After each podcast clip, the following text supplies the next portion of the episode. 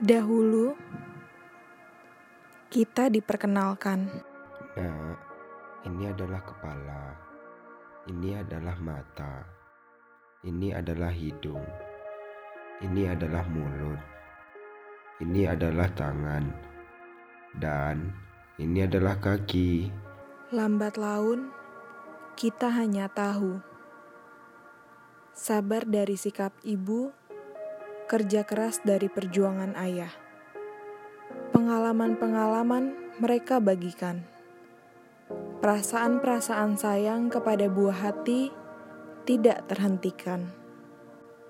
Sayang, nanti kamu gak boleh keluar ya. Mesti mengerjakan PR dulu. Ah, ibu, aku mau main ke rumah teman. Sadar atau tidak, kita pernah menjadi karakter yang tidak pernah dibentuk orang tua.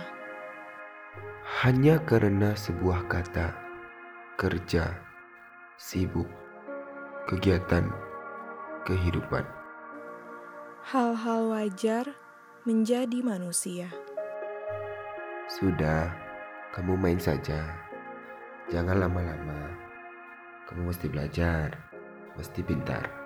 Sekeras-kerasnya anak, orang tua selalu menjadi lembut, termasuk kulit, nada bicara, langkah kaki, pula ketika merespon. Hingga dewasa, kita sibuk dengan urusan. Kerja menjadi prioritas, uang menjadi pola, pikiran ke mana-mana. Ibu bertanya, "Kamu di mana?"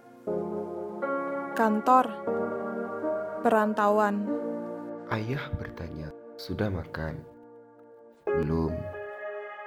"Nanti saja." Semua jawaban, kenapa mesti ketus? Capek adalah hal biasa.